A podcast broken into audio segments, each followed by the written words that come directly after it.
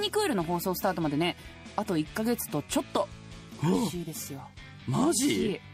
稲荷崎さんが。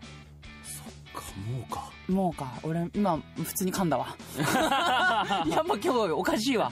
ちょっとダメですね。いやーなんかこうまあいろいろな影響もあってさ、はいはいはい。まあ、延期があったりとかアフレコ遅れたりとかいろいろあったけどこうついにって感じじゃなくてもうかっていう感じだよねいやなんかこう目まぐるしくてさ、うん。いろんなことがやっぱ自分の身の回りもそうだし、うん。アフレコに関してもそうだったから放送されるんだっていうなんかそうだね。あんま実感が湧かないんだよ正直。もう撮り終わってたんだ。